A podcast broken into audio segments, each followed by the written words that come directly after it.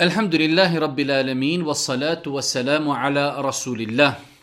Rabbi şrah li sadri wa li emri wa hlul uqdata min lisani jefqahu qavli. Doista svaka zahvala pripada uzvišenom Allahu tebarek ve ta'ala. Salavat miri selam na Allahog pusanika, Allahog miljenika Muhammeda, alihi salatu wa selam njega učasnu porodcu, zorte ashabe i sve ljude koji slijede put istinu sudnjega dana. Uvažene braću i poštovane sestre, uvaženi gledatelji, Evo nas u još jednoj emisiji u kojoj se družimo sa vašim pitanjima i vašim dilemama. Ako smo dobro brojali, ovo je naša 51. emisija u kojoj se družimo sa vašim pitanjima, vašim dilemama. Prvo pitanje, večeras pitanje u kojem jedan brat postavlja pitanje da li nakon što klanja džumu namaz, jednostavno ne želeći da odskači od džemata u kojem klanja, može da klanja četiri rekiata zato što je to sunnet. Nakon toga da klanja četiri rekiata kao jedan vid naklanjavanja nekih farza koji je nekada propustio i nakon toga još da klanja dva rekiata kako bi on uklopio nekih, hajde da kažemo deset rekiata kako bi eto otprilike bio zajedno sa džematom u njihovim postupcima. Ono što, i čak je to ovdje ovaj brat naveo hadis, da je Boži poslanik kazao onaj ko klanja poslije džume, neka klanja četiri kjata. I to je, e, znači, e, hadis koji je izrečen govornom formom, dok imamo hadis da je Boži poslanik, praktično su ga vidjeli da klanja u kući e, nakon džume namaza dva rekiata. Tako da su kazali islamski učenjaci, najljepši, najbolje je poslije džume klanjati četiri rekiata bez obzira da li se klanjalo u kući ili u džamiji.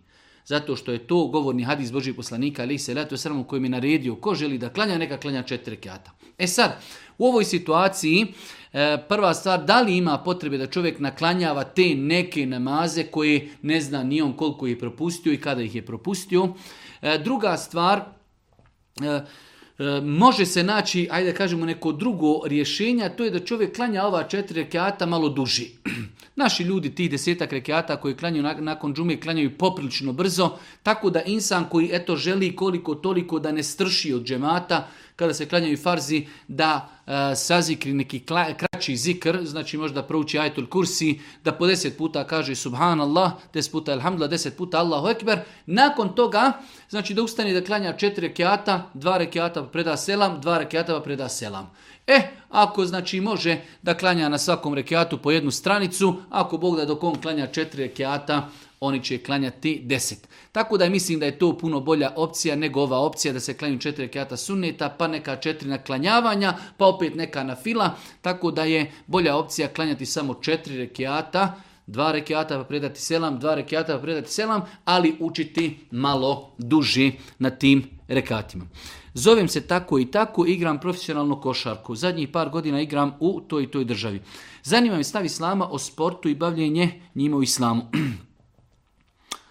E, generalno gledajući, generalno gledajući islam podstiče da se čovjek fizički bavi, da li sportom, jednostavno nešto što će oplemenjivati njegovo tijelo i njegovo zdravlje. E, tako da generalno gledajući da čovjek igra košarku ili futbal, e, kao vid rekreacije, u tome nema ništa sporno. E sada, profesionalno bavljenje sportom islamski učenjaci imaju različite stavove u pogledu određenih drugih faktora koji se miješaju sa tim čovjekovim zanimanjem. Pa ćemo vidjeti da ljudi u većini slučajeva kada se bavi sportom, profesionalno kada se bavi sportom, kao što je ovdje došlo i u pitanju,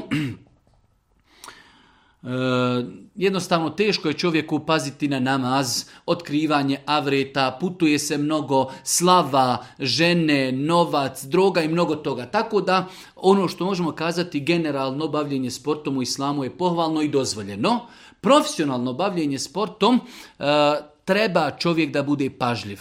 Nećemo kazati da je zabranjeno, ali treba da bude pažljiv. Ako već ulazi u te vode, onda da postavi sebi prioritete, ne smije dovoditi svoj namaz u pitanje, mora paziti e, kada je u pitanju odjeća koju nosi prilikom e, bavljenja sportom, da li je to futbal, da li je košarka ili neki drugi sport, da to budu e, pokriveni njegovi avreti, da pazi ako već dostigne neki nivo i level slavi, da pazi na drogu, da pazi na žene, da pazi znači ono što bi ga moglo zavesti i odvesti od Allaha te barkatela. Tako da, znači generalno islam dozvoljava se čovjek bavi sportom, profesionalno bavljenje sportom e, je stvar e, na koju utiču različiti vanjski faktori koji se čovjek dobro treba čuvati kako ne daj Bože zbog sporta i zbog novca ne bi izgubio i moral i vjeru i čast i ugled i tako dalje. Treće pitanje, ja sam u vjeri, klanjam, nosim hijab i tako dalje, tružim se, živim po islamu, a muž mi voli da popije pivo kada sjedni sa društvom. Šta treba da uradim da bi ga uputla napravi put, E, ono što može insan da uradi generalno, ovdje vidimo koliko dosta puta e, supružnicima teško pada kada druga strana ne želi da bude pokorna, kada čini određene e, zabranjene stvari, šta može insan uraditi? Može lagano voditi dijalog, lijepa riječ, savjet, E, pokušati e, izvlačiti insana iz lošijeg društva, uvoditi ga u e, neke ljepše tokove, ljepše društvo, doviti Allahu Đelešanu da tog insana izvuče iz lošeg društva, da mu omrazi grijehe, da ga učesti na putu istine. Eto, to je nešto što možemo urati kao supružnik supružniku. Lijepa riječ, savjet, druženje, dova, lijepo društvo, primjer, Eto, to je nešto što insan može uraditi. Nakon toga Allah SWT je taj koji insana e, upućuje na pravi put. E, četvrto pitanje, šta je sa muslimanima koji nikada ne klanjaju i ne pridržavaju se propisa? Da li su oni opsjednuti šetanom iako nemaju nikakve napade? To što čovjek to što čovjek ne klanja i ne posti, odnosno čini određene grijehe, da li je on pod utjecajem šetana? Apsolutno, apsolutno. Ali to ne mora značiti da čovjek ima problema sa sihrom.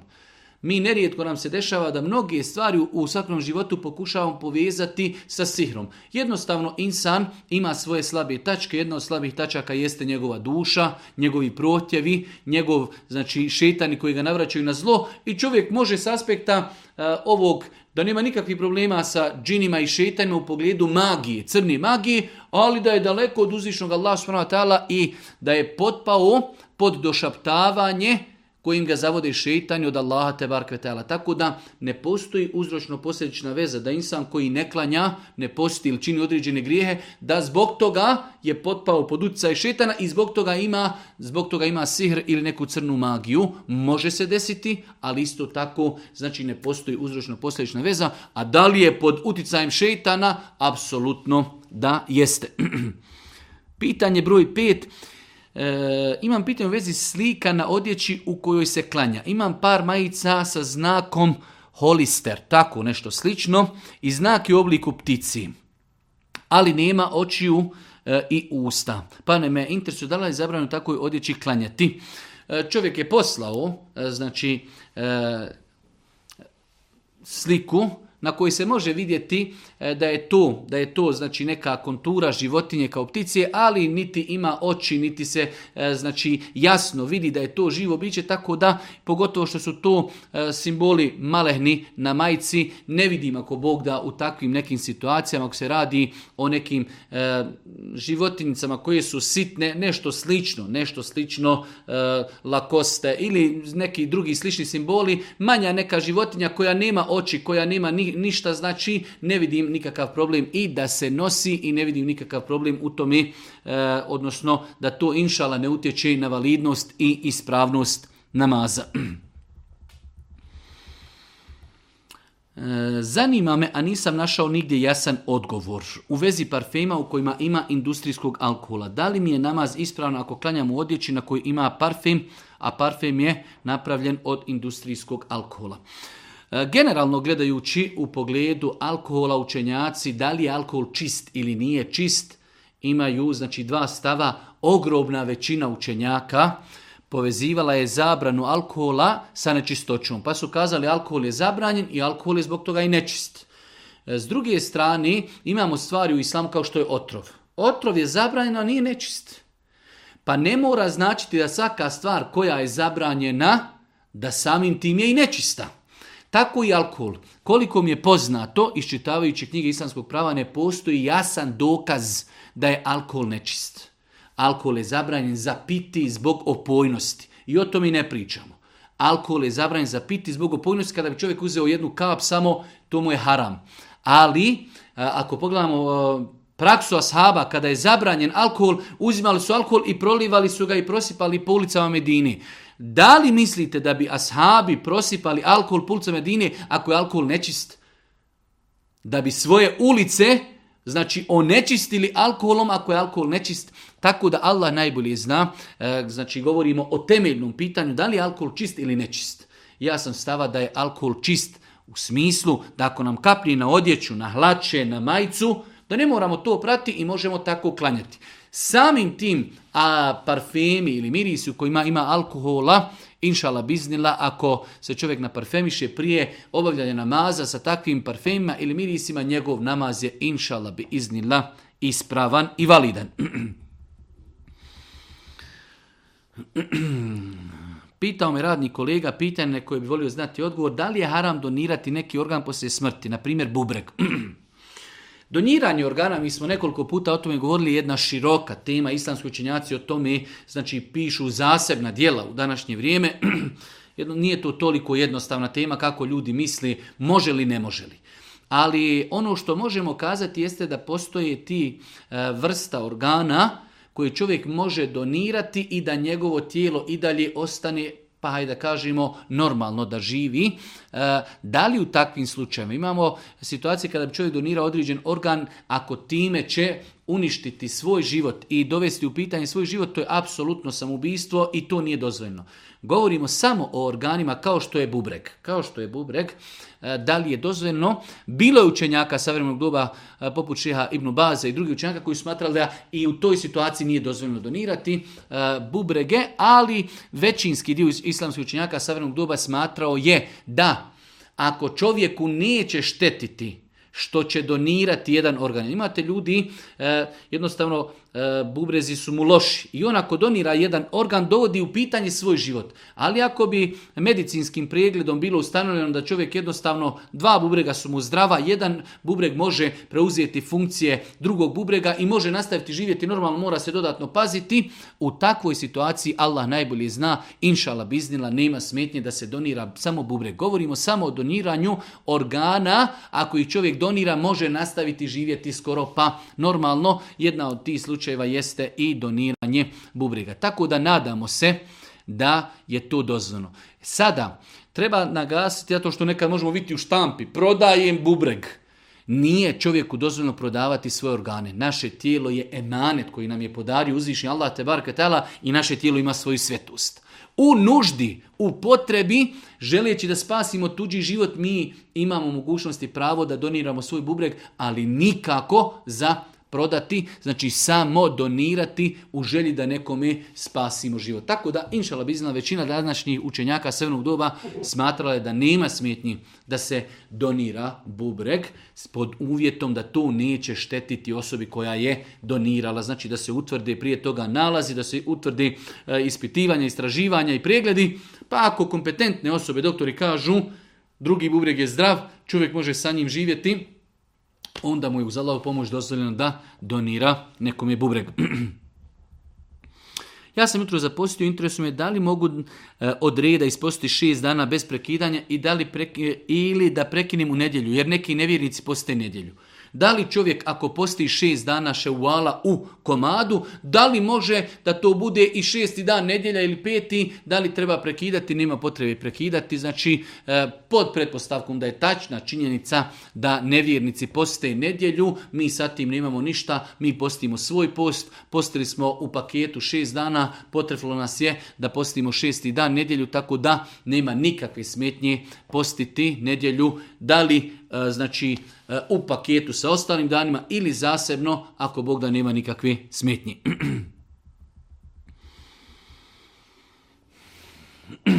Opet malo oni bračni trzavice. Sa mužem sam tri godine u braku. Prije tri mjeseca sam se pokrila u oči Ramazana. E, u drugom sam stanju, no muž me zapostavlja kada idem nekuda, gleda u druge devojke, žene koje nisu pokrivene i ponekad im čak svirni malo iz auta. E sad zanima me, da li ja mogu da se otkrijem kako bi zadovoljila više njegovu pažnju i ljubav i tako dalje? Ili da ostanem pokrivena. Znači imamo sestru koja se pokrila, udala se i pita njen muž, eto tako šeitan ne da mira, nije zadovoljan sa svojom suprugom, Dosta bruke i sramote što gleda u druge žene, već radi i pred svojom suprugom, pa ona pita da li kao može da se otkrije da privuče njegovu pažnju. E, nošenje hijjaba je čast i pokornost Allahu te bar Sestra koja se pokrije, pokriva se radi Allaha, ne radi muža. Pokriva se radi Boga, tražeći zadovoljstvo uzvišnog Allaha te bar tako da šta god da se sutra u životu desi, više nema razmišljati o tome da skine hijab. Može se nekome i desiti da žena stavi hijab i da, ne daj Bože, oslabi i da ga iskine. Ali to neće raditi zbog čovjeka želeći znači, njegovo zadovoljstvo, jer e, on je pokazao svoju veličinu, odnosno e, koliko je e, zaslužan takve stvari da on gleda u druge žene pa čak u pristu svoje žene se nabacuje i svira takvim ženama tako da apsolutno ne apsolutno ne otkrivati se, svakako sa njim razgovarati, savjetovati, pa ako će popiti vode i malo ga i e, da kažemo ureziliti i kazati mu na neki način kako će on to razumjeti, ali generalno da li, da li skinuti hijab, samo kako bi se pod navim znacima privukla njegova pažnja, apsolutno ne.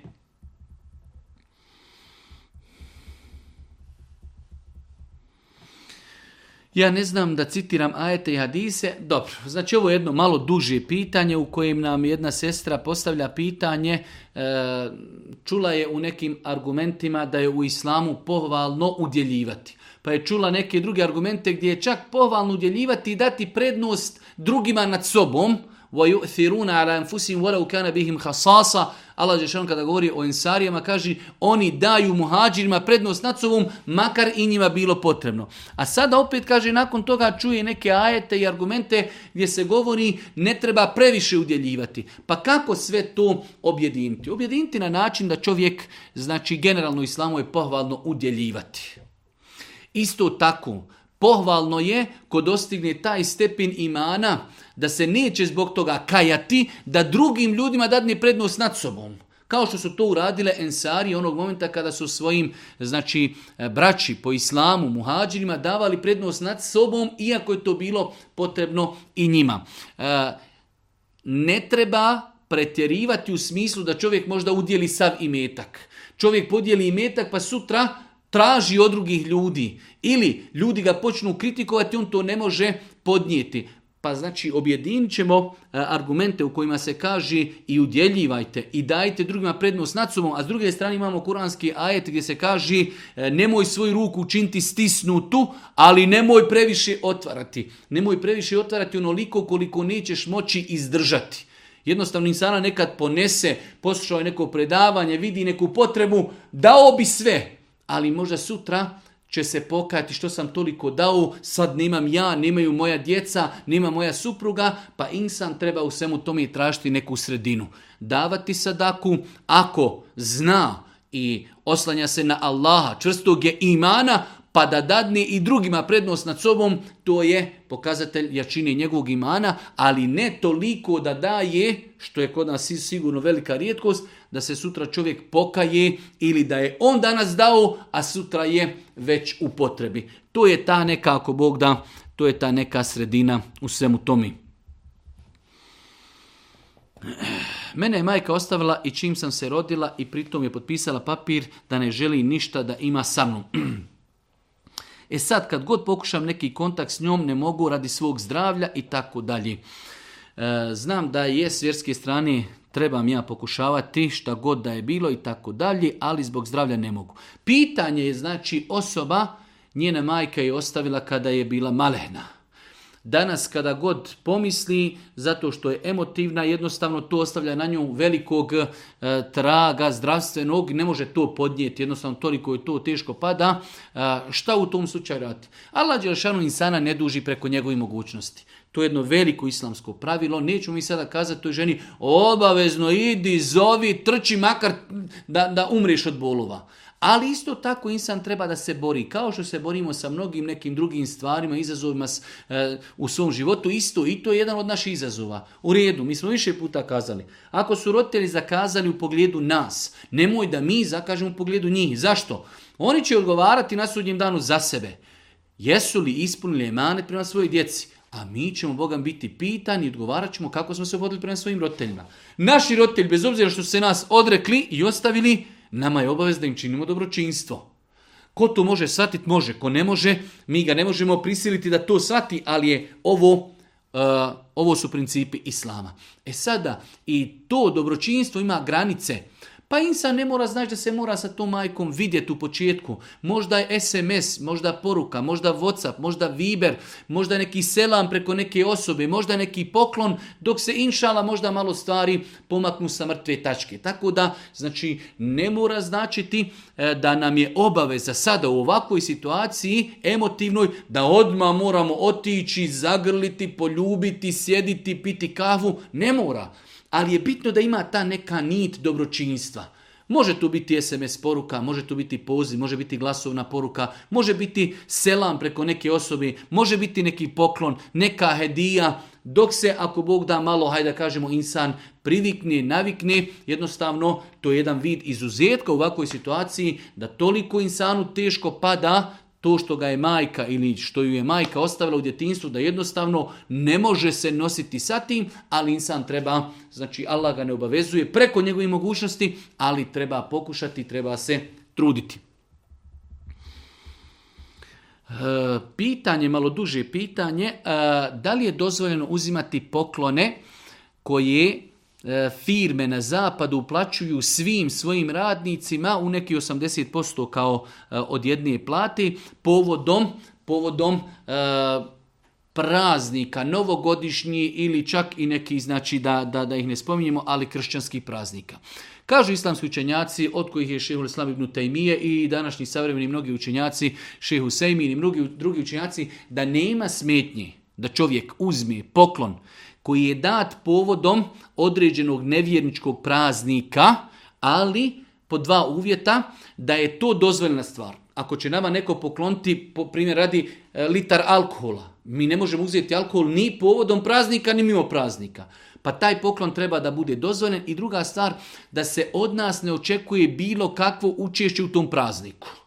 U ovom slučaju ako e, firma svim svojim radnicima na račun uplati 80% e, znači vrijednosti jedne plate, ako je plata ne znam 1000 eura, dobiješ 800 eura poklona povodom praznika, nema nikakve smetnje da se taj novac uzme i da ga čovjek koristi u bilo koju svoju drugu potrebu. Znači, e, Šeju imije i drugi učenjaci savremenog doba, mnogi, znači na osnovu opet argumenata Eh, života Božih poslanika, ali se letu veselam, izjava eh, prvih generacija Ali radijallahu ta'ala, Aisha radijallahu ta'ala i drugih ashaba, eh, donijeli su zaključak da nema smetnji, da čovjek uzme poklon, makar se radilo i o nevjerničkim vjerskim praznicima, samo je bitno da taj poklon u osnovi je halal i da se od nas ne očekuje bilo kakvo odobravanje toga ili učestvovanje svemu tome. u ovom slučaju, pošto se radi o žiroračunima, uplati se novac, niti ko šta uvjetuje, niti šta ko traži, uzmeš novac, potrošiš, nema ako Bog da nikakve smetnje da se taj novac koristi znači za ono što je potrebno insanu. 14. pitanje, imam čirku od 7 godina. U zadnje vrijeme ju je strah svega od mraka, životinja, strah čak i od običnog leptira. Možete li kakav savjet? Ovo je definitivno, ajde da kažemo, vanredna situacija. E, dječica u, u, u svome djetinstvu prolazi kroz te neke periode kada je djecu strah mraka, šta ja znam, i nekih e, drugih pojava, ali ovoliki strah nije normalan. Samim tim znači treba i vanredno, vanredno e, rješenje za ovakav slučaj. Ono što možemo uraditi, mi uvijek kažemo, djelujemo na dva fronta. Djelujemo s aspekta vjeruje, i djelujemo s aspekta medicine. Kada je u pitanju vjera, šta možemo? Možemo svome djetetu učiti dove koje je Boži poslanik ali se letu učio Hasan Huseinu u idhukuma bi tamme min kulli šeitanin min kulli lame. Možemo naći na internetu ovu dovu koju je Boži poslanik ali se letu učio svome, e, svojim unucima Hasanu Huseinu od uroka, od zavisti, zaštita od sihra i, i od mnogih drugih stvari. Znači učenje dovi. Druga stvar, učenje sura kulhu, kul bi kul nas, pa čak i sure kulhu gdje će čovjek svome djetetu kada ustani, kada hoće spavati, te sure učiti i po njemu malo pljucnuti. Znači čovjek prouči tri sure, e, kul eudhu bi rabbi kul nas, kulhu i malo pljucne po svome djetetu, veće kada krene spavati i zajutra kada ustane.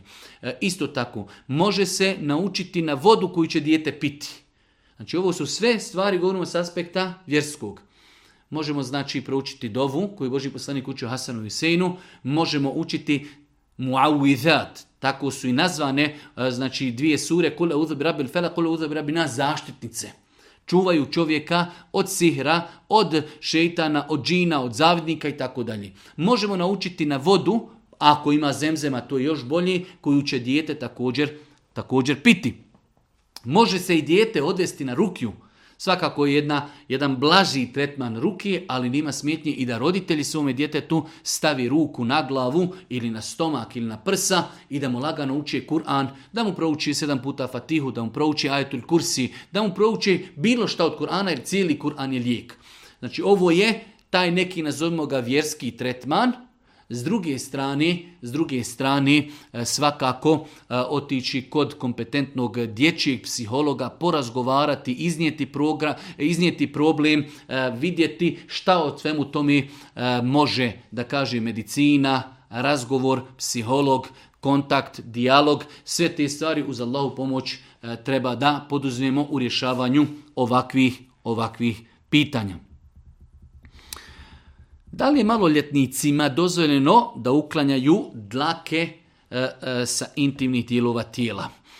E, možda će se neko i zapitati zašto odgovaramo na ovakvo pitanje. Odgovaramo samo iz razloga što velik broj ljudi ne zna da pojava dlaka na stidnim dijelovima tijela je pokazatelj da je insan ulazi u fazu punoljetstva.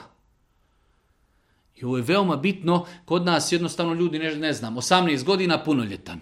Može djevojčica ako dobije mjesečnicu sa 12 godina, ona je već u islamu punoljetna s aspekta grijeha i dobrih dijela. Što znači ona već tada treba da nosi mahramu, treba da klanja, ako može da posti i tako dalje.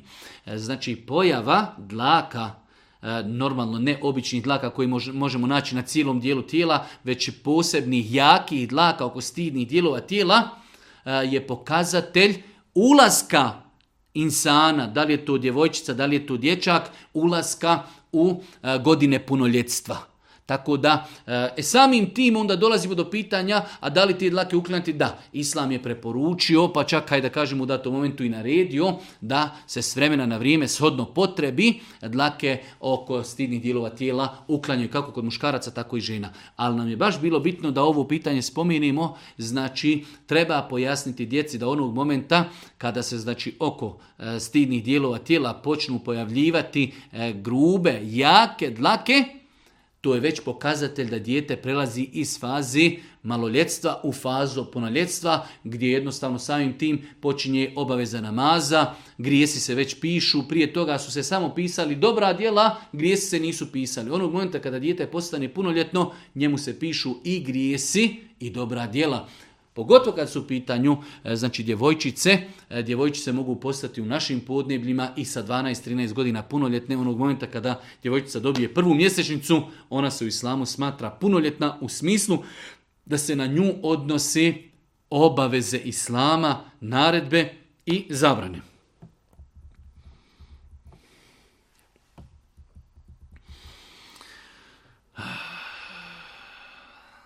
Isto pitanje slično pet godina idem na dijalizu, doktori kažu jedno je rješenje transplantacija. Allah najbolje zna, s obzirom da živimo u jednoj od država Evropske unije, može li se uzeti bubreg od nevjernika?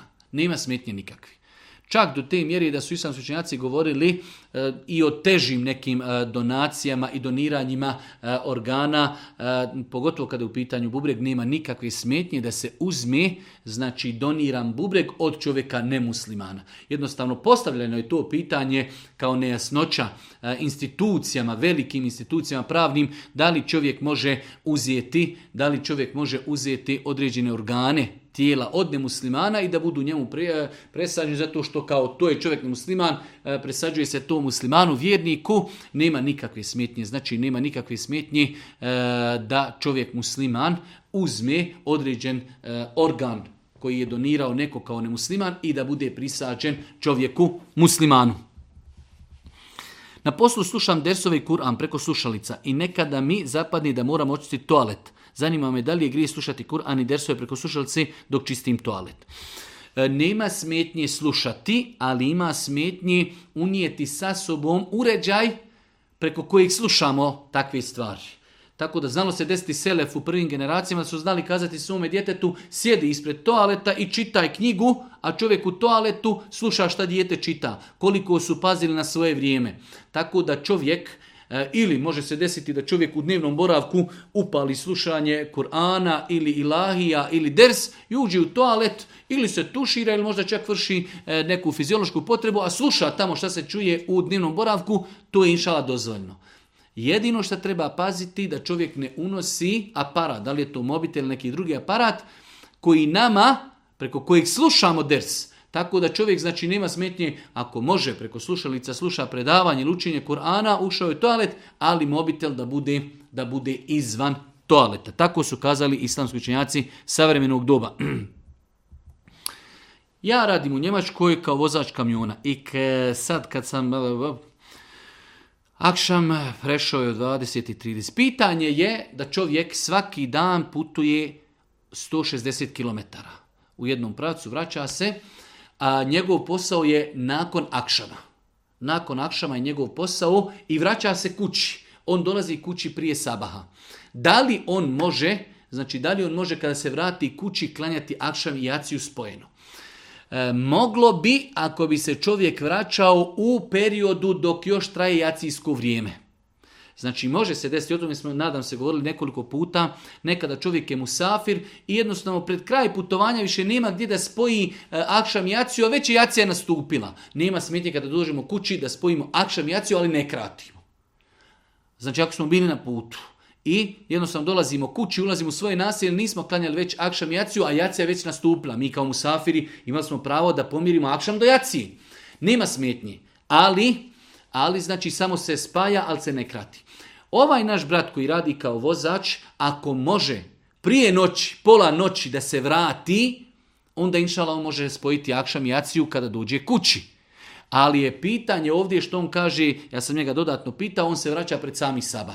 Tako da u takvoj situaciji, ovom našem ratu koji je vozač kamiona, obaveza je da nađe neko mjesto gdje će se zaustaviti, ako Bog da spojiti, jer on izlazi iz kuće malo prije nastupanja akšama. Znači to i jest taj problem i onda njega kači ga na putu e, akšam, kači ga jacija, vraća se kući pred sami saba, Eh, Allah najbolje zna, obaveza je klanjati namaz prije nastupanja pola noći.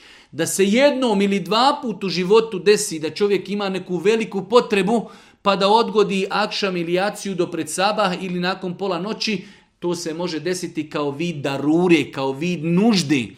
Ali da to radi svaki dan, to je već pravo sporno, tako da je bolje da čovjek se potrudi, da nađe mjesto i vrijeme kada će spojiti akšam i jaciju prije nego što prođe, nego što prođe polovina noći. Nadam se što smo pokušali to razjasniti.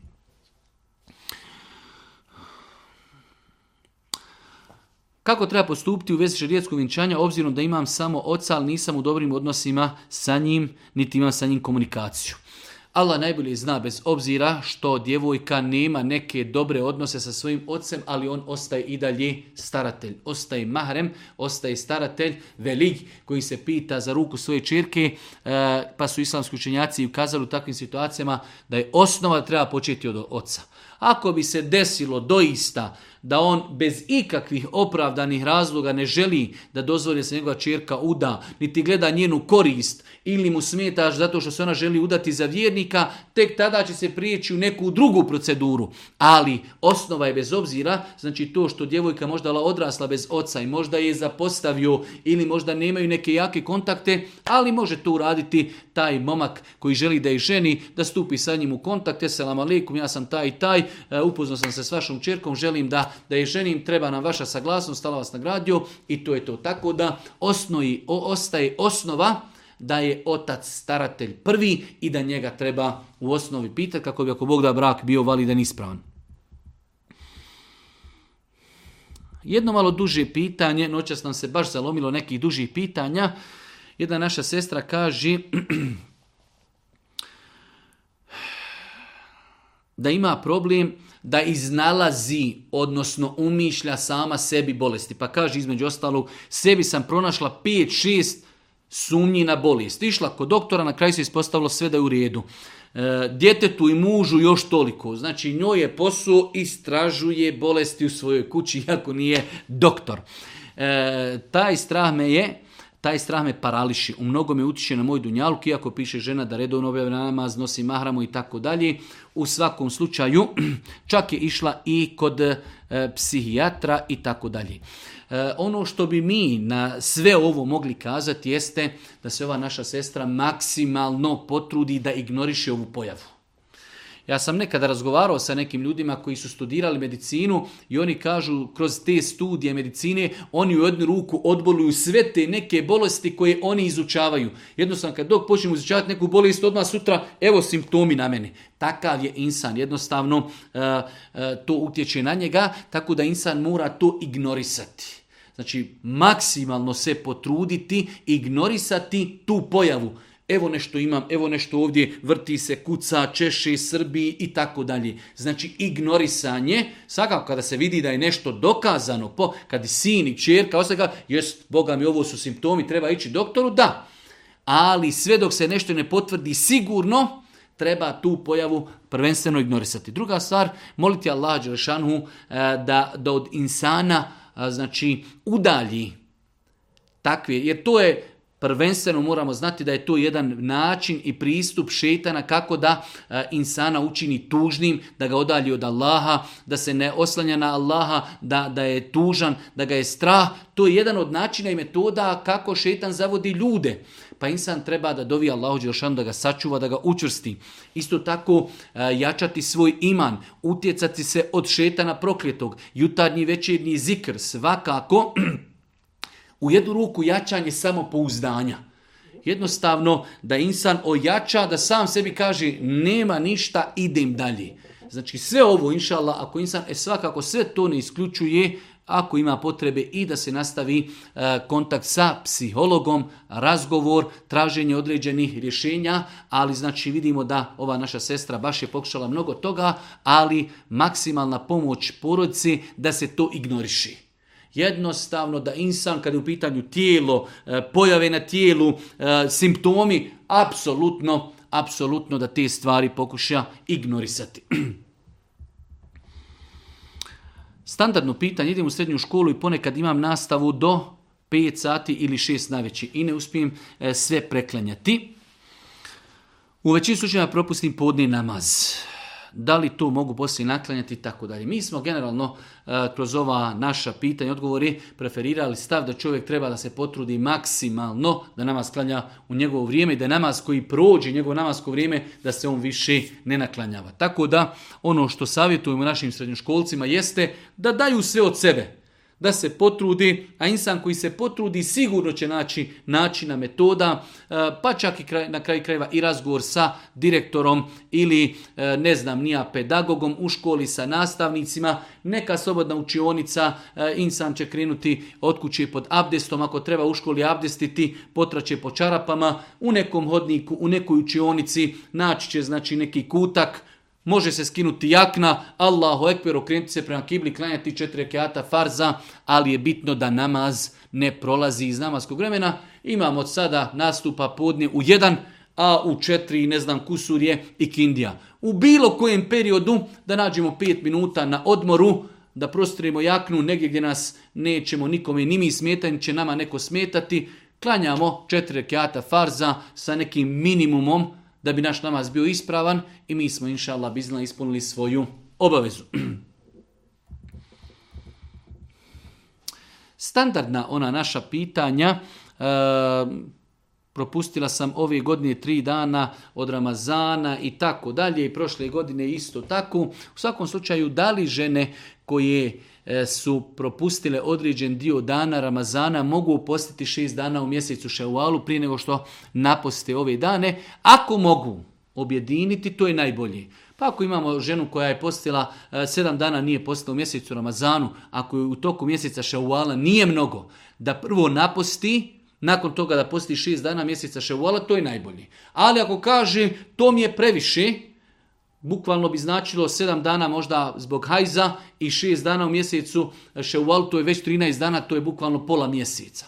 Ako je to naporno ženi, nadamo se inšala biznila da će postići nagradu ako posti u mjesecu šeualu prvo šest dana, a onda u narednih 11 mjeseci ili 10 mjeseci, kao što joj je Islam i šerija dozvolio, jer ona je izostavila post iz opravdanog razloga. Opravdan razlog je njena mjesečnica. Nije njena mjesečnica nešto što ona može kontrolisati, pa je ostavila post iz opravdanog razloga. postići ovih šest dana u mjesecu Ševalu, a Islam i njegovi postulati su joj dozvolili da ove dane koje nije postila zbog mjesečnice u toku godine naposti. Tako da obavezivati je teško. Ona osoba koja može objediniti da naposti prvo dane koje e, nije postila zbog mjesečnice nakon toga da posti šest dana ševala, to je dobro. Ali ako bi to bio problem, ako žena ima dijete, ako je dojilja, ako je trudnica, onda kažemo posti šest dana u mjesecu ševalu na file, a tokom godina posti dane koji nisi postila zbog mjesečnici.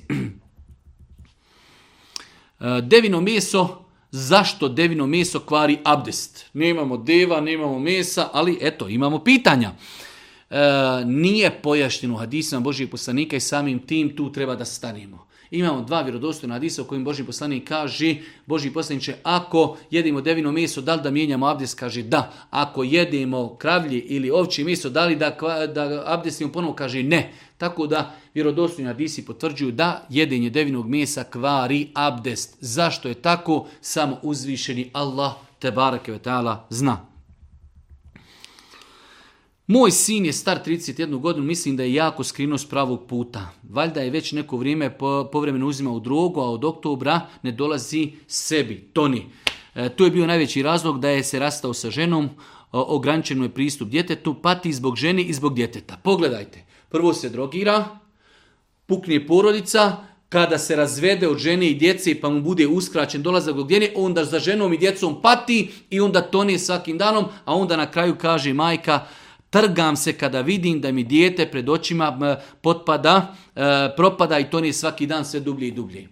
Pogledajte e, prva stvar kako dijete može e, uznemiriti svoga roditelja svojim ponašanjem.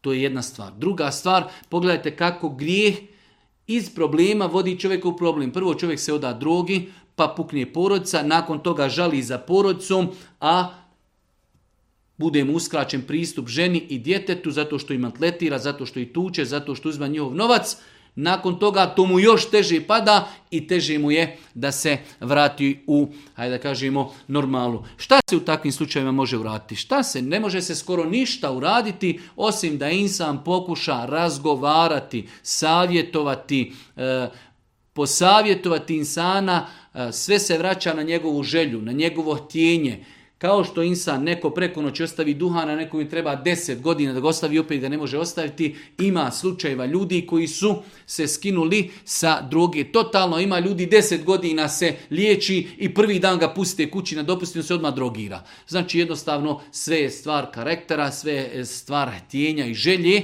Treba razgovarati, treba pružiti ruku, e, znači podrške tom djetetu, Teško pada roditelju, svi smo mi roditelji, svi mi imamo djecu, teško pada roditelju kada vidi svoje dijete kako tone. To je jedan vid iskušenja, čovjek treba da se strpi, bit će zbog toga nagrađen, a treba poduzeti dunjalučki sve kako bi to svoje dijete spasio kroz dijalog, kroz bogami komunu, kroz liječenje, kroz savjetovanje, kroz psihijatra, kroz psihologa, kroz dobro društvo, kroz dovu, kroz namaz. To je ono što čovjek može da uradi. Uzet ćemo još pet pitanja da bi, ako Bog da, stali nakon toga. Da li je dozvoljeno u islamu ženi da radi posao medicinske sestri u državnim ustanova nevjerničkih država? Pazite, dole na kraj se kaže konkretno me interesuje rad u nevjerničkim državama i potpomaganje nevjernicima u zdravstvenom sistemu svojim radom. Da li je potpomaganje nevjerničkog sistema ako žena radi kao medicinska sestra u nekoj državi? Ja ne vidim ništa sporno u tome da žena muslimanka, ovdje je došlo klauzula, radi halal posao. Mi sada ne govorimo, pošto je sad izuzetno aktuelno pitanje, da djevojke i muškarci odlase iz Bosne pa radi u staračkim domovima, ja o tome ne govorim. Generalno posao medicinske sestre u nemuslimanskoj državi, da li je dozvoljeno, ako nađe sebi dozvoljen halal posao, ne vidim u tome ako Boga, ništa sporno. Opet klasična pitanja, klasični problemi sa došaptavanjem vesvesama zaista se trudim da praktikujem islam, međutim imam strah da nisam dovoljno dobar vjernik, plašim se da se sve što radim, da nema svrhe, e, ljudi me smatraju dobrim, a ja mislim da sam loš i standardno, znači zapetljavanje, šetan jednostavno čovjeka neće ostaviti na miru. Insan treba da, da, da se bori, da se nosi s time, ali rekli smo ne previši. Kao što insan znači, može zapostaviti pa da ne prispituje sebe, ni svoje namjere, ni svoje nijete, to je jedna krajnost. Isto tako druga je krajnost da se čovjek toliko time optereti da mu to ne da naprijed. Mate, ljudi su toliko opterećeni, da li sam nafik, da li mi je djelo primljeno, da li se ja pretvaram, da li se ne pretvaram, to ga toliko umara da ne može normalno fercerati i živjeti što je previši. Znači, lijepo je da se čovjek preispituje, da analizira svoj nijet, da se trudi, da očisti svoj nijet, da dijela radi, radi Allaha Đerašanu, ali ne toliko da ga to znači sputava u normalnom životu. Čovjek treba da bude pokuran Allahu onome što mu je Allah naredio, ali isto tako da preispituje svoje namjere, ali ne toliko, toliko da ga to sputa da jednostavno živi normalnim životom pa u datom momentu treba ti vesvese, došaptavanja ignorisati i odbaciti. 27. pitanje. Upoznam sam jednu djevojku koja praktikuje vjeru i pokrivena je. Mislim se sa njome ženiti, ali imamo jedan problem. Njena majka je psihički bolesna, pa se bojim da li, će, da će to imati lošeg efekta na naš brak. Može imati, ali ne, smije, ne, bi, ne bi trebalo to da bude razlogom da čovjek ne oženi tu djevojku. Znači imamo djevojku, njena majka je psihički bolesna. Svakako da ćemo mnogo stvari, stvari treba da definišemo prije stupanja u brak, kako ne bismo dozvolili. Čovjek i žena kada stupe u brak, oni su jedna porodica, jedan tim. Zajedno nastupaju naspram problema koji dolazi iz vanjštini. Tako da treba tu ženu pokušati pomoći koliko mogu pomoći, ali ne smiju dopustiti da njen uticaj znači bude toliko velik da ne daj Bože djeluje na njih i na njihov brak. Lično smatram da to što djevojka, ako je moralna, ako je čestita, ako se sviđa momku, ne treba da bude razlogom da je čovjek ne zato što ima bolesnu majku, ako više tom logikom niko je ne bi oženio, već trebaju samo da stvari lagano prije braka izdefinišu. Šta ćemo, kako ćemo, gdje živimo, koliko dolazimo, šta radimo, kako pomažemo i držimo se zajedno tih stavova. Pitanje broj 28. E, pitanje na koji nadam se smo već odgovarali, čovjek koji ima novac, kupio određenu stvar, ali još to nije isplatio, a na taj novac je znači, obaveza da da zekat jer je novac pregodinio. Da li će dati zekat? Da. Znači imamo čovjeka koji ima 10.000 eura i jednostavno novac je pregodinio, e sada on tek sada kupio je nešto i očekuje da to uplati, ali će tek uplati za mjesec i po ili dva. Da li treba da da zekat? Da ako se novac potroši prije pregodanjavanja. Kada bi kazali, primjera radi, prvog Ramazana čovjek je stigao nisab, dostigao nisab. I metak je imao 11 mjeseci i nakon 11 mjeseci kupi nešto i plati. Novac izišao iz njegovog vlasništva, da li mu je obaveza zekat? Normalno da nije. Ali ako novac pregodini, nakon toga on nešto kupi, novac i dalje kod njega, ali treba da uplati, on treba da na taj novac izdvoji zekat. 29. pitanje. Kakav je grih ako neko učini nekome, znači sihr za ljubav i tako dalje? Kakva je kazna e, od Allaha za takav grih e, I ima li, ima li mogućnosti za pokajanje od, od takvog grijeha?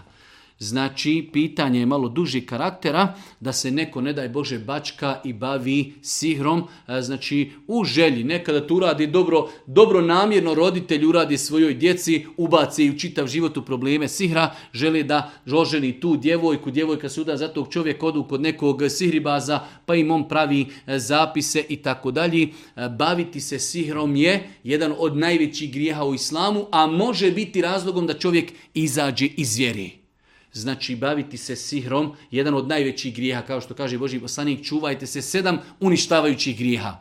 Pa je spomenuo sihr. Jedan od najvećih grijeha u islamu je baviti se sihrom.